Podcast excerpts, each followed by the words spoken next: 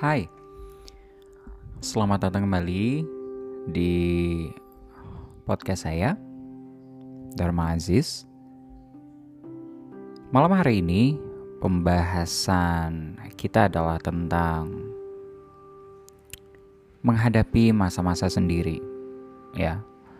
Jadi mungkin seperti judulnya, podcast ini pas untuk kalian yang saat ini sedang merasa sendiri, sedang merasa kesepian dalam menjalani hari-hari kalian dalam menjalani hidup. Mungkin untuk malam hari ini saya ingin membuka dengan sebuah pertanyaan. Pertanyaan kapan terakhir kali kalian merasa berjuang di dalam hidup sendirian.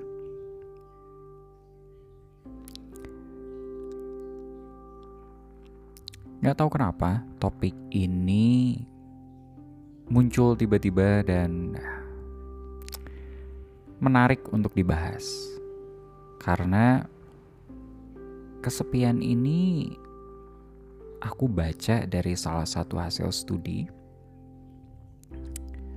ternyata jadi hal yang dihadapin banyak orang, terutama di perkotaan, di kota-kota besar, di mana ya mungkin sosialis bukan sosialisasi ya kita bersosialisasi tidak sedekat di desa-desa ya. Di desa-desa ada apa ada apa satu kampung bisa langsung tahu. Hubungannya dekat. Tapi kalau di kota kan cenderung individualis dan apalagi di masa-masa seperti saat ini, kita banyak menghabiskan waktu kita sendiri. Paling dengan media sosial ya. kita buka YouTube, kita buka Instagram, buka TikTok, Twitter, apalagi itu, Facebook. Ya paling bersosialisasi via itu. Tapi pernah gak sih kalian ngalamin fase di mana semakin ke sini lingkungan bermain kalian atau sahabat-sahabat terdekat kalian itu berubah. Mungkin tadinya yang lumayan deket, sahabat-sahabat yang lumayan deket, ternyata sekarang udah enggak yang tadinya orang-orang yang kalian pikir bisa jadi sahabat selamanya atau bisa jadi pasangan kalian selamanya ternyata enggak. Ternyata berubah. Dan perubahan itu lumayan signifikan gitu. Sehingga orang-orang yang dekat saat ini sahabat-sahabat yang dekat saat ini mungkin berbeda jauh dengan ketika satu tahun yang lalu atau dua tahun yang lalu atau tiga tahun yang lalu. Benar-benar berbeda. Dan mungkin kadang-kadang muncul perasaan atau persepsi atau pemikiran di mana kalian merasa ditinggalkan. Merasa sendiri. Kenapa ya teman-teman lama gue gitu teman-teman lama gue pergi. Ada apa ya? Apa yang salah ya? Dengan eh, diri ini gitu. Nah apa yang biasa kalian lakukan ketika kalian perlu menghadapi itu? Apakah kalian menyalahkan diri sendiri? Ataukah kalian menerima perubahan itu dengan lapang dada, dengan hati yang terbuka, mengingat kalau ya tidak ada sesuatu yang sifatnya stuck gitu-gitu aja nggak ada. Semua pasti berubah. Termasuk lingkungan persahabatan kalian termasuk lingkungan pertemanan kalian. Dan mungkin untuk beberapa kasus pasangan kalian pun harus berubah gitu ternyata harus berganti. Tidak bisa hanya dengan orang yang itu saja, atau mungkin waktunya, jodohnya, karmanya sudah habis.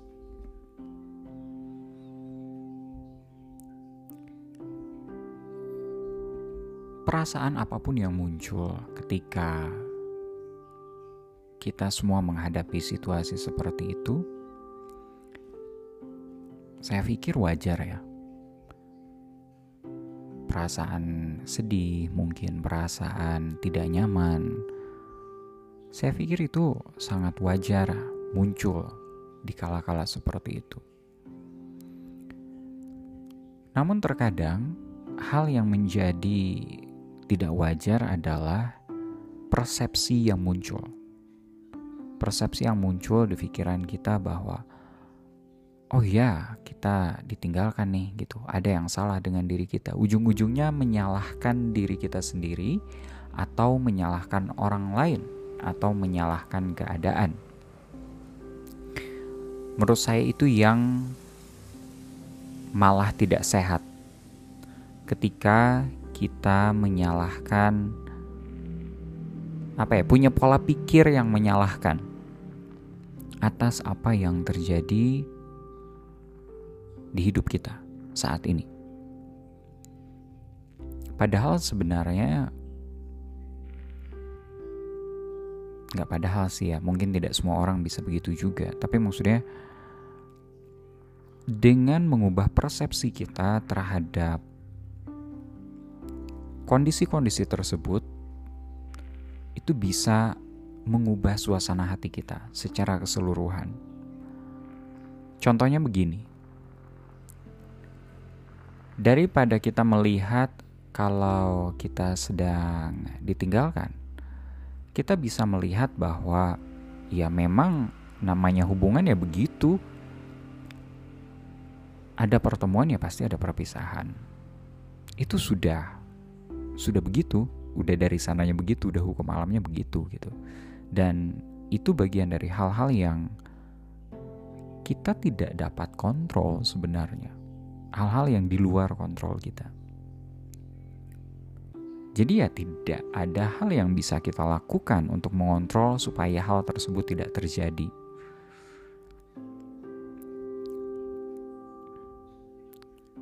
Satu-satunya hal yang bisa kita kontrol atau kita kendalikan adalah persepsi kita, cara pandang kita dalam melihat, dalam menghadapi masalah. Dan biasanya sebenarnya kan setiap hari banyak sekali hal terjadi ya. Setiap momen banyak sekali hal terjadi itu semua kan di luar kendali kita. Kita tidak bisa mengendalikan mungkin si A melakukan sesuatu yang tidak baik atau berbicara yang tidak membuat kita nyaman atau malah membuat kita marah. Itu banyak terjadi setiap hari dari momen ke momen. Dan tidak ada yang bisa kita lakukan. Yang bisa kita lakukan adalah merubah persepsi kita merubah cara pandang kita. Tidak menyalahkan siapa pun, tidak berpandangan buruk terhadap siapa pun, tapi kita melihat situasi ya sebagaimana adanya. Ya sudah, kalau memang waktunya si kita berpisah dengan si A di momen saat ini, ya berpisahlah sudah gitu. Sedih wajar sedih, kecewa ya wajar wajar kecewa dan itu semua tidak perlu diabaikan. Perasaan-perasaan yang muncul itu tidak perlu diabaikan. Kita perlu mengakuinya. Kita perlu menyadarinya. Dan kita perlu meregulasinya dengan baik sehingga tidak menumpuk di dalam diri kita. Caranya ada banyak. Bisa dengan meditasi, bisa dengan yoga, bisa dengan melakukan hobi-hobi kita, bisa dengan menulis, ya. Apa pun yang bisa kita lakukan untuk meregulasi emosi sehingga emosi tersebut tidak menumpuk. Dengan begitu, emosi kita bisa kita hadapi, bisa kita atasi, Dan kenyataan yang muncul juga bisa kita terima dengan baik. Tentu kalau soal waktu itu relatif ya. Beda orang, beda pengalaman, beda pemahaman, waktunya juga akan beda. Beda kasusnya, kasus kecil, kasus besar juga akan beda proses lamanya. Jadi kalau soal waktu ya kita berserah saja.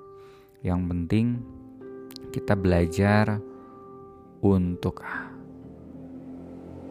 menghadapi setiap permasalahan dengan persepsi yang tepat ya, melihat segala hal sebagaimana adanya, tidak terjebak dengan permainan-permainan dan tipuan-tipuan emosi.